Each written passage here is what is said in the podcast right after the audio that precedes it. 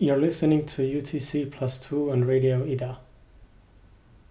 UTC Plus 2 will be welcoming storytellers, educators, scholars, experimenters, and public intellectuals to discuss slowness and speed in everyday and extraordinary lives. While starting with the chosen themes, future interactions and realizations are sure to create new thematic frameworks, which may as well leave behind the focus on slowness and time and bring to fore something different altogether. Anchored in anthropology, we will have the chance to take advantage of the methodological and theoretical toolbox that the discipline provides, while observing and discussing timely and temporal notions in education, academia, and everywhere else.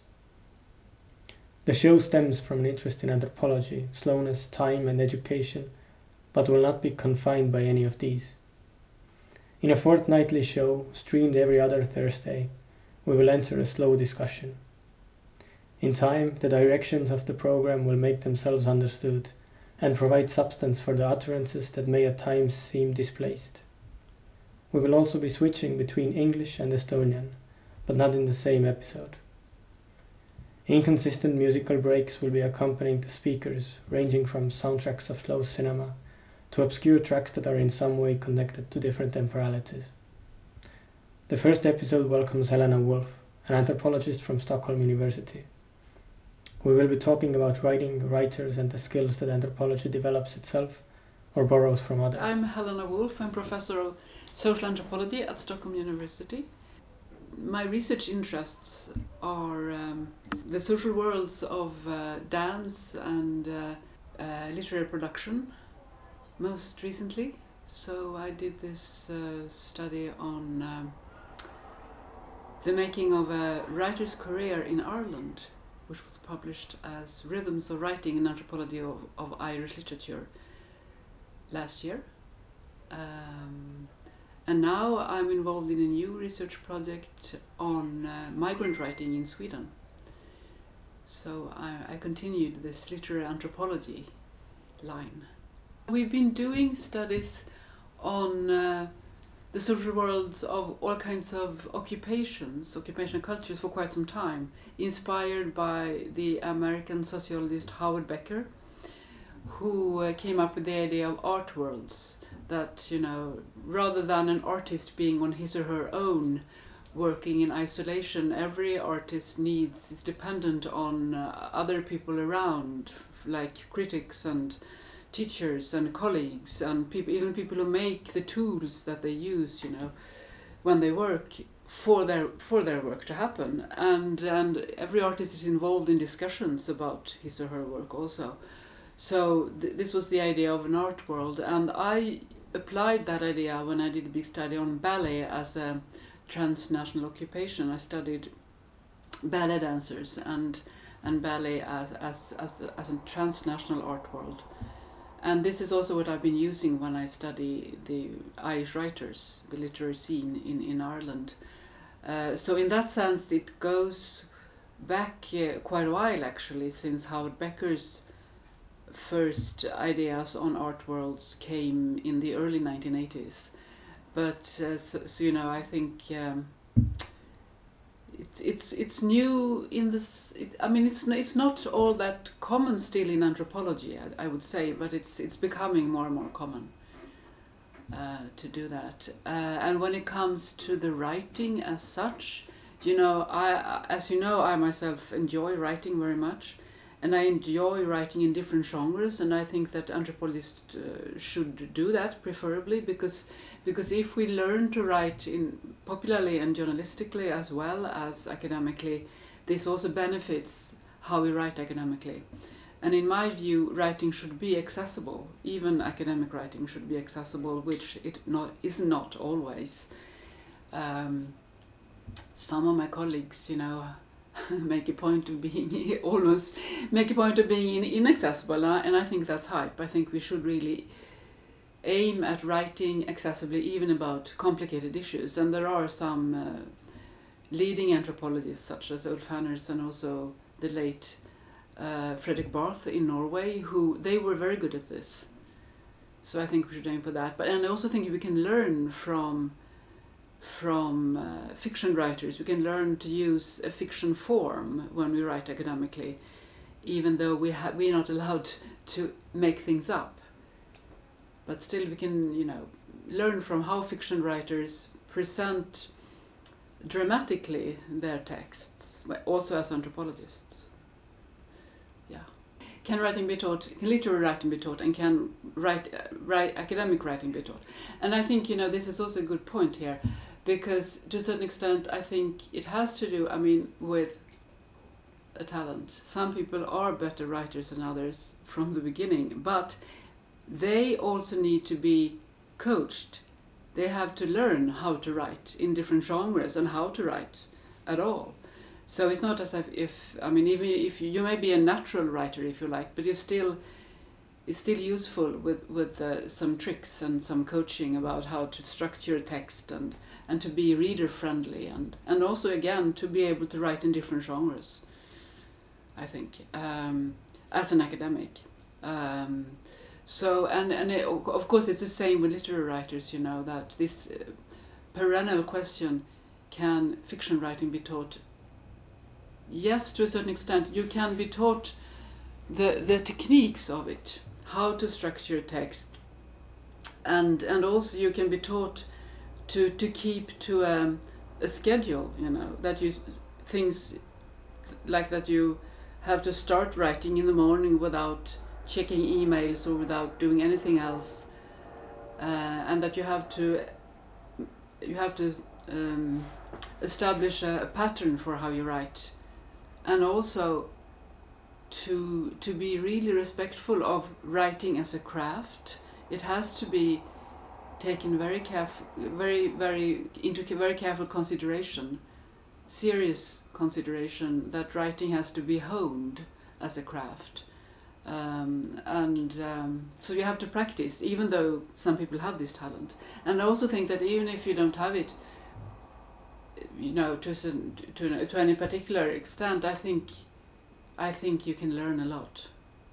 From from teachers, from you know colleagues and other people who have done it a lot, can teach you certain tricks. And so I think teaching writing is important it can be it can be learned to a certain extent. But but again you know the those who really um, make us may, may those who really make readers totally absorbed and those who you know if you read a text that you never forget i think that there's a quality in that which i suspect cannot be taught.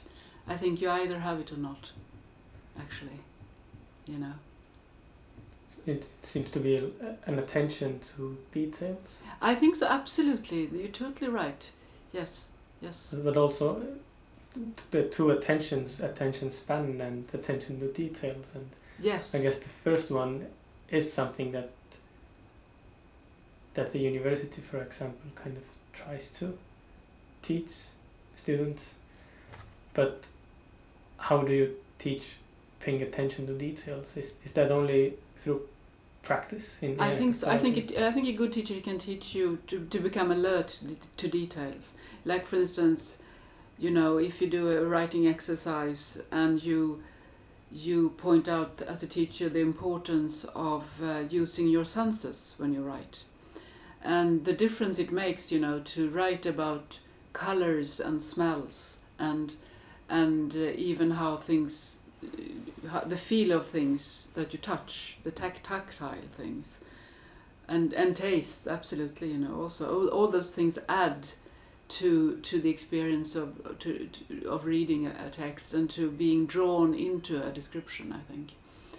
Uh, then, of course, when it comes to temporality and speed and slowness, I think it's very important to stress that you have to spend a lot of time practicing.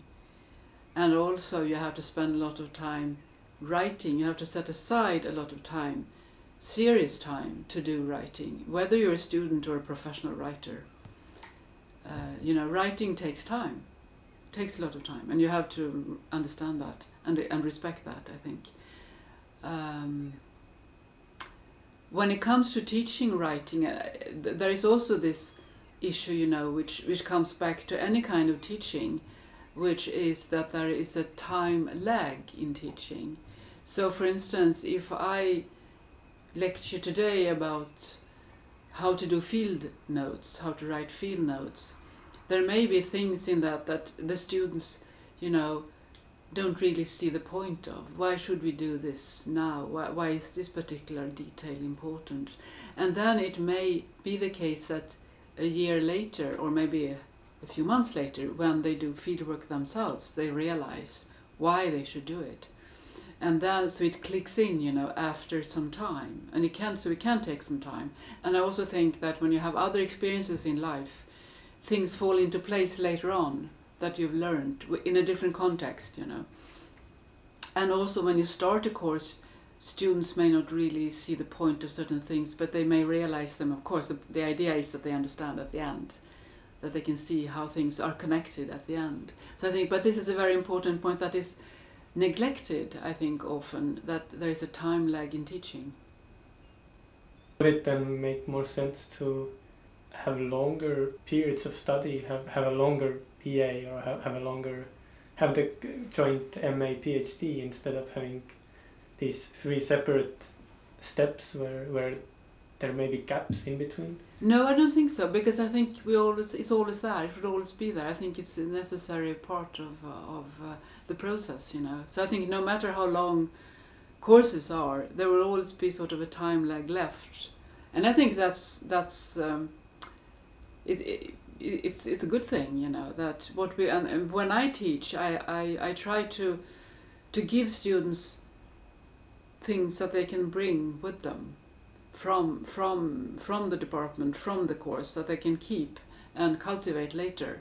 And to me, when I teach, I have this idea about the Pygmalion effect, you know, the Greek myth, when the, when the sculptor made a, a, a sculpture of a woman and then he fell in love with her because she was so beautiful and then she became alive and to me when i teach i have this idea that i plant a seed in the student and then when the, when if i succeed the the a plant will grow and the student will start to think on her, his or her own and contextualize my my piece of knowledge in new ways and then I've succeeded as a, as a teacher. Now this doesn't happen all the time, uh, and it also there's a time lag in this too. I think this can happen a year after course, but I think uh, it's an interesting process how you and to me in a way the most important thing that I I provide knowledge, but then I want the student not only to sort of absorb it as I the, in the form I say it, but to start using it in his or her own way and add it together with other things that he or she knows, you know, and experience.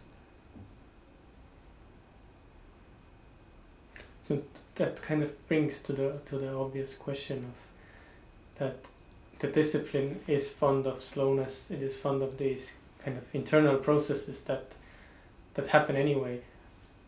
How well does it work with the whole university system? Does the program kind of uh, try to fit into the university precepts and then still do its own thing or how how much of attention is well we have to fit in you know and sometimes it's good sometimes it's not so good. I think it's again it's an important point with anthropology and and uh, time and speed and slowness because because of course what really makes anthropology different from other disciplines is that we do fieldwork for such a long time. Uh, and we often get this question from research councils and other stakeholders, you know, do you have to spend all that time in the field? And in certain ways, in certain projects, we actually have to, you know, because the process is, is so slow to get to know people and not only to see what they say that they do, but also to see what they do when they do things they don't say that they do. And for that, we have to build trust, which takes time, you know, all those things. Uh, so I think actually it's the field work which, even though, which makes us different, but even though field work strategies and fieldwork practice is changing be, because we have to keep up with with speed in, in social life. So and I think anthropologists have become much better at commenting on and researching uh, current events, you know, news. Um, like for instance, when the this um, attack happened in Norway a few summers ago at a youth camp, if you remember that, then Thomas Hylland Eriksen, the anthropologist, and who is also a public intellectual, he came on the radio, and in, interestingly and importantly, he has a past as a journalist, so he knows how to do this, how to translate this into, you know, an account which which makes sense to to, to anyone who is not an academic. And so he came on the radio, and he was everywhere, also on, on Swedish radio and television, I think, um, commenting on this attack and saying that uh, this was like a tsunami. You know, it was such a horrible thing that affects everyone. Almost everyone in Norway knew somebody who, who knew who was related to this or had something to do with this event, uh, or knew somebody who had something to do with it. Um, and that was a kind of comfort, I think, to people. Uh, and there was he he was able to unify people and, and, and to sort of help help us, I think in that way. Um, so that's a point where uh, an instance where anthropologists have become much better, and um, you know we suddenly we can we can become you know we can also we can be as speedy as as other scholars, but I think otherwise you know when it comes to courses and so on we have to you know we have to have courses that that are, are of the same length as other disciplines at the university and I, you know, as you know, we teach in modules, usually, so it's one month or two months for one course. And I sort of, I've, I, I think, I think that's fine. For me, that's fine. In abroad, it's much more common, like in the U.S. and in the UK, that, as you may know, that courses run across over the whole semester, uh, which. Um, I mean, there are advantages with that too, of course. And then students would have to read more than one course at the same time. Uh, yeah, so, you know, I mean, I'm used to this system. It works for me, and I hope it works for students. Both writers and anthropologists, as public intellectuals, they are maybe not always the fastest to respond. No.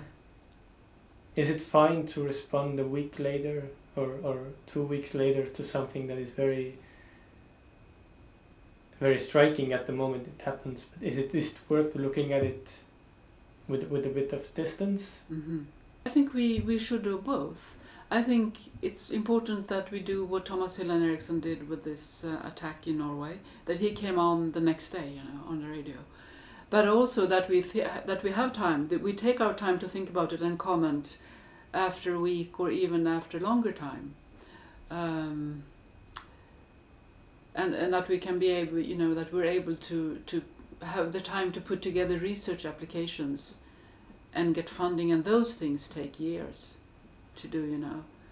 Uh, but still, the same, the same issue, the same topic, I think, should be studied and should be dealt with both immediately and also long term because we find different things and they have different effects and different benefits in that way. Anthropology sh- should uh, uh, tr- try to say more about the future. And this is a trend. There is uh, quite a few research projects now and also publications dealing with, with the future scenarios in anthropology. This was not the case in the past we were saying we can't we can't say anything about the future, but nowadays anthropologists have started doing that, and I think it's a good thing. And I also think you know that like the Irish writers, they they they write a lot about they set their stories often in back in history, in the past, and by doing this, they uh, sometimes talk about the present. Uh, so, for instance, when one of the writers in my study was Colum McCann, who lives in New York, who grew up in Dublin and moved to the US as an adult. And he was in New York on Manhattan when 9 11 happened. And then he wanted to write about 9 11, but he didn't know how to do it. How do you write about 9 11 as a fiction writer? And then he came up with the idea to go back in history to 1972 when when the World Trade Center towers were there, of course, and there was this this French guy who walked on a line between the towers, and uh, so and this was a true event, a real event, which is a focal point in in the book. And then he sort of goes on from there. He imagined different people seeing this guy up in the sky or reading about him in the newspaper, and then then he makes up all these characters and how they are united by this real event. So and he, but he says that writing about that time in the early 70s when that happened was a way for him to write about the Iraq War and also 9 11 when the towers were not there anymore. Um, and then, uh, so th- at the time, of course, there was the Vietnam War. And, and one of the figures, one of the characters in the book is a, is a woman who has lost her son in Vietnam, for instance. So he, and he is, so this is a way for him to write about the present in that way. And it's quite common that Irish writers do that, actually. I'd say. Mm. So in a, in a way, they there was I can't remember who said it, but in the book there's a quote that that we can't keep up with the pace of change if we're too close to it. Right. We we, ha- we need to take a step back, and that, that doesn't mean slowing down. That just means kind of giving some space to the, to the subjects. Yes, absolutely, and more more thought to it. I think.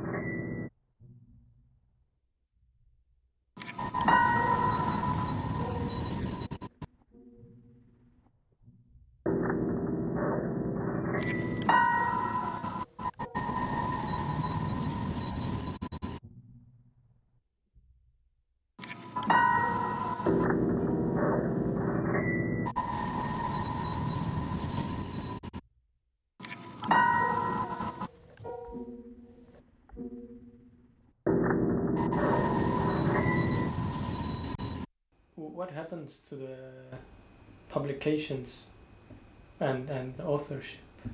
'Cause in in books there is this fiction flow, Yeah. which is out of anyone's hands really. Yes. It can be manipulated, but it can't be owned. But how how is it in anthropology? How of course you have to reference, you have to cite, and and there is an, a certain ownership, but how much of letting go is is the publication moment in anthropology? Mm. Oh yeah. Well, you know, legally there is of course copyright ownership um, by the publishers often, uh, and we have to sometimes by the authors also. So that is kind of complicated. And if sometimes if you, we want to to publish an article or a chapter in a different place, slightly revised, we have to ask for permission to do that. So that's kind of routine that we do that, and most in most cases we are allowed that um, permission. We're given that permission to republish, but I'd say you know that um, uh, well, there's also this new rule about called I don't know if you've heard about Creative Commons, which means that the writer or the anthropologist owns less of his or her text. So, for instance, I did this an entry for an encyclopedia uh, called Oxford Bibliographies Online, when I, I was asked to write about a dance, so I did that, dance anthropology, and uh, and my my text was then published. But in the contract that I had to sign, I also had to say that in case they would like to revise this, update this later on, like in five years, they will first ask me to do the revisions. But in case I don't want to do them, they are allowed to ask someone else to revise, you know, my text.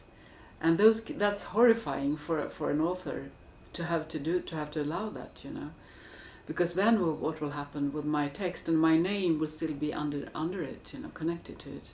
So that's one thing. But when it comes to, you know, there is also an emotional aspect to to how to engagement in your own texts, in your own books, and your own articles. And I'd say that when you are planning a book, and even more when you are writing it, you're totally absorbed by it. You know, you forget the rest of the world when you have a deadline, um, and you really you live in the book all the time, and you think of formulations. And you know, I have this routine when I.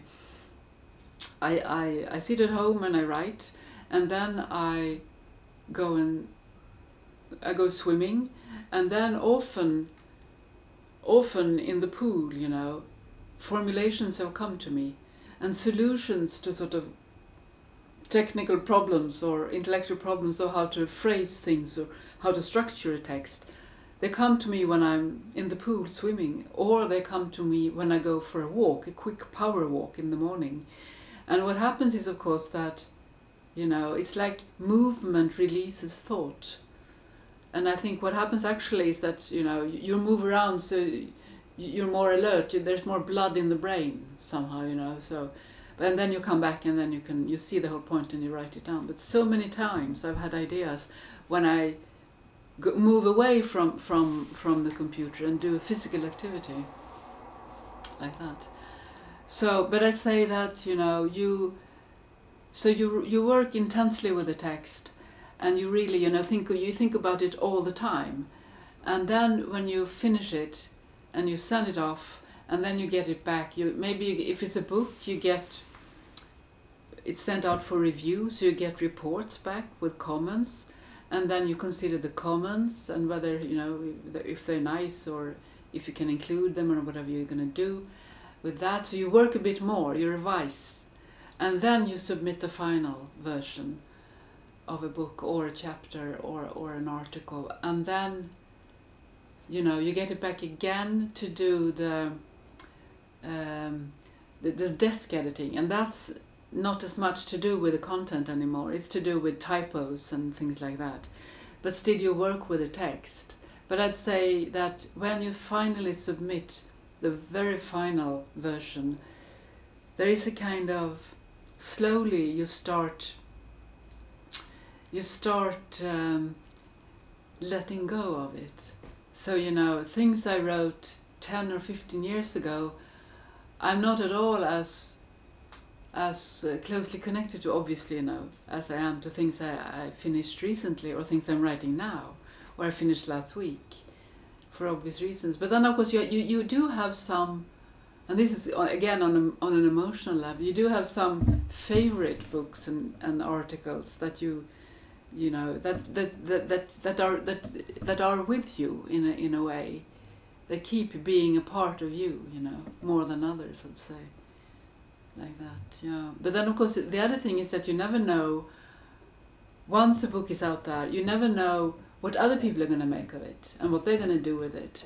If they're going to understand what you what you have written, sort of, or if they, you know, if they have other views on it than you. May, they may see things you haven't seen yourself that are interesting to hear.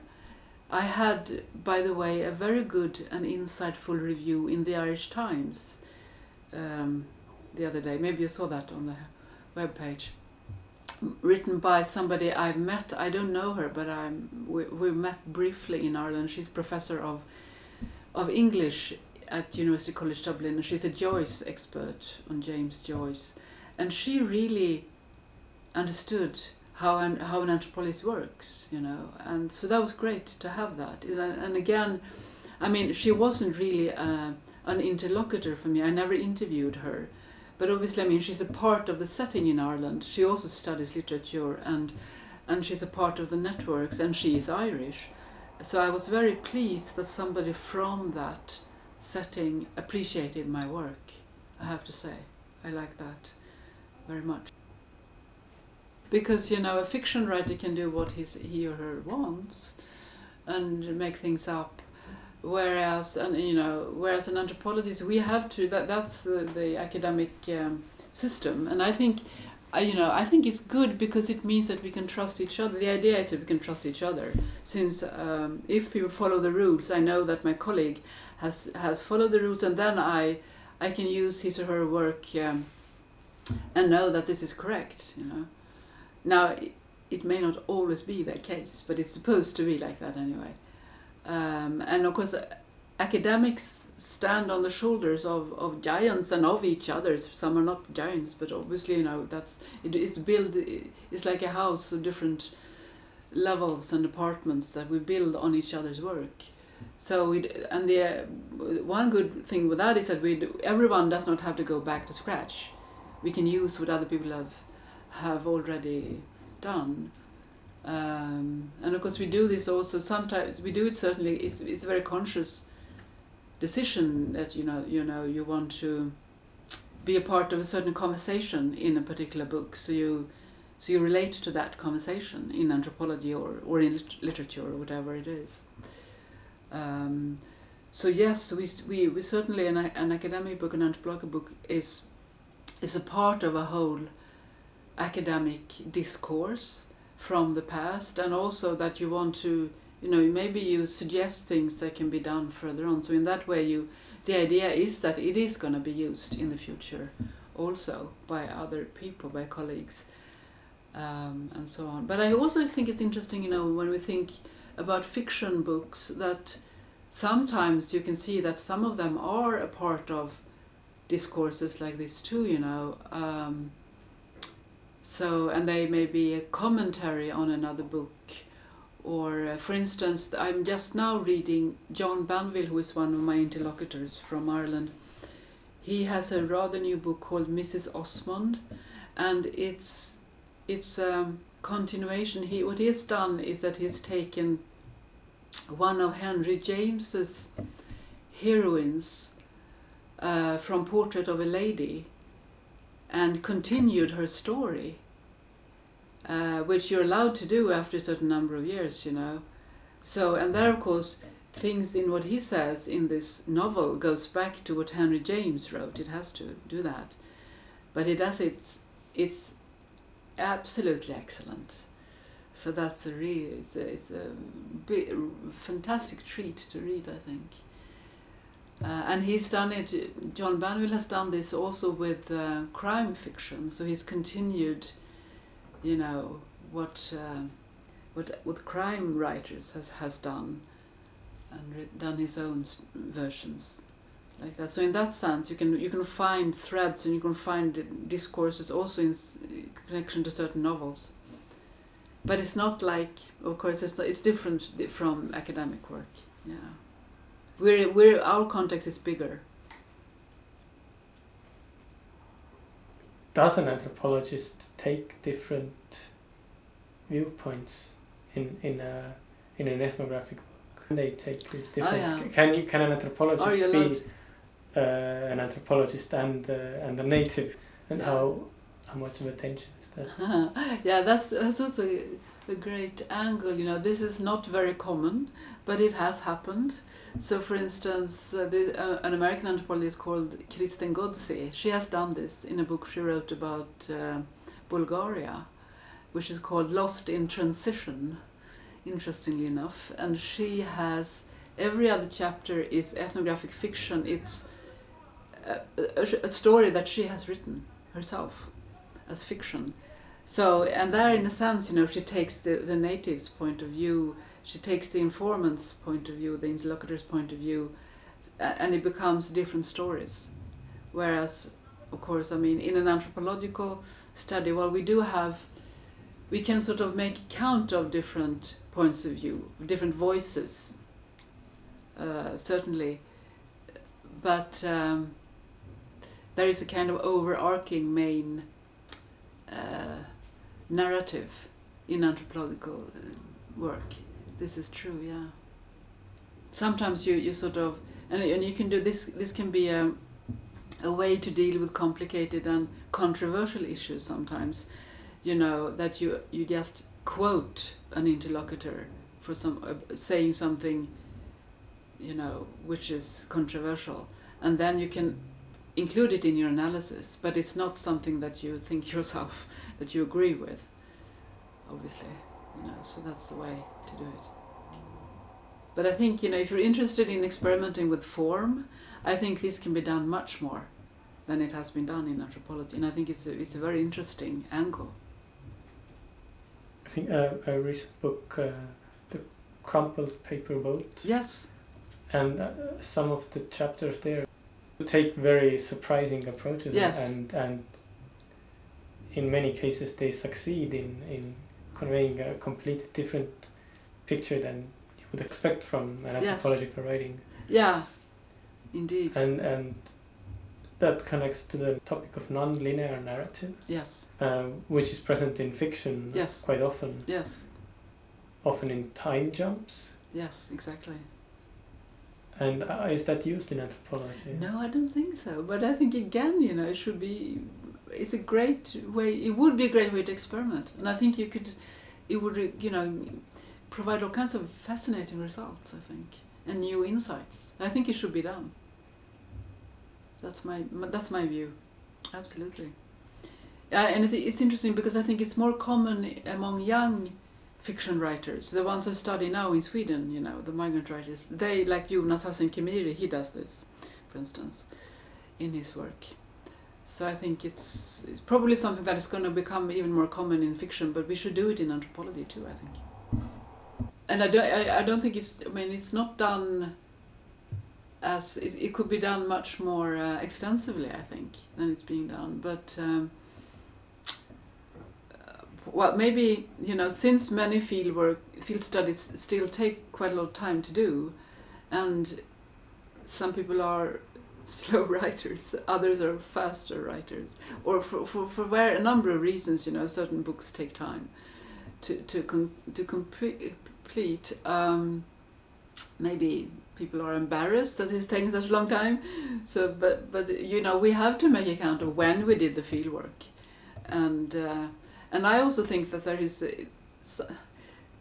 there are advantages also to wait. For me, when I did when I finally got around to, to, to write, finish my rhythms of writing, I, I was able to use publications on immigration in Ireland that had come out just the year before and had I finished my book earlier, I wouldn't have been able to do that. So I think you know it became a better book because I, it took some time. But this is not always the case, and I don't think we should be slow. I think we should work. You know, I think we should work uh, reasonably fast, not too fast, but still. Um, yeah. Is anthropology speeding up? I think so. I think it is speeding up, but I think it's important to keep the slowness also. I think we should have both um, a slow and a, and a fast anthropology. You know. Should they then be distinguished from each other, or or how how can we make sure to to keep the slowness while while keeping up? Well, I think well I think we can make sure to keep the slowness and also uh, because we, we need sometimes to do long field works field studies we actually do even though sometimes you know we have to do multi-sited we have to be in many places but still to spend you know a lot of time in the field even though we may move around um, to take that seriously uh, which in a way is a slow method um, it has to. I think it has to really has to stay as one part of of how we work. But then sometimes I think we also should be able to do um, other to use other methods. It's interesting, you know, that I think when, for instance, when I go to, I, I've never spent more than two weeks in Ireland, but altogether I've been there for almost two years. So it's like, um, you know, we need we need a lot of time for our methods but and I also think it's important in this day and age not least when you know when when universities become uh, neoliberal and, and everyone is supposed to do journal articles rather than write books it doesn't make sense in anthropology not to write books ever i mean certainly we should do journal articles and we should do chapters for volumes but we also need to do books, monographs, because we need that space to argue for certain issues in anthropology. Certain arguments need that space as a, a whole length book. And also, we need to do volumes with different chapters um, to show different sides of a problem, of an issue. So, and I think I think some people are able, like Thomas Hylland Eriksen, for instance, are able to both work quickly and work more slowly because he does both. He can change between different speeds, and maybe this is something that we should teach our students also. I think. But it's it's a good um, point, I think, to have and to consider. What what can we learn from writers? What can we learn from studying writers also.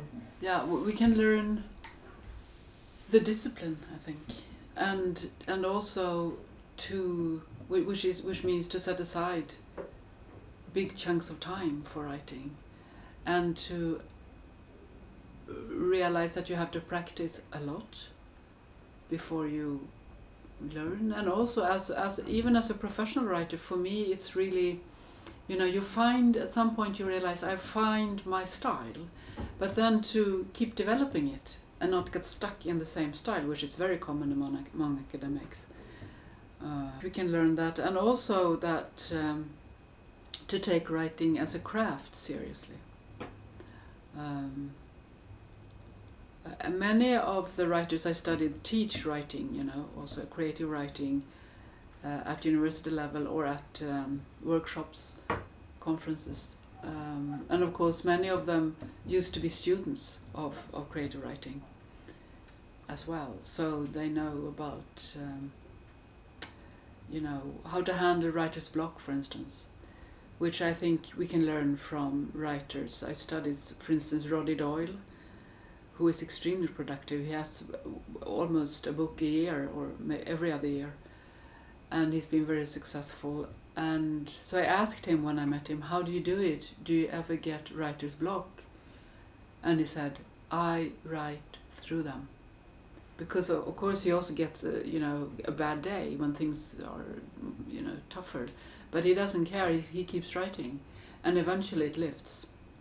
So and it's the same with me. You know I also have that. I, I, I write no matter what, even though it's hard sometimes, and then eventually it will lift, and I fly.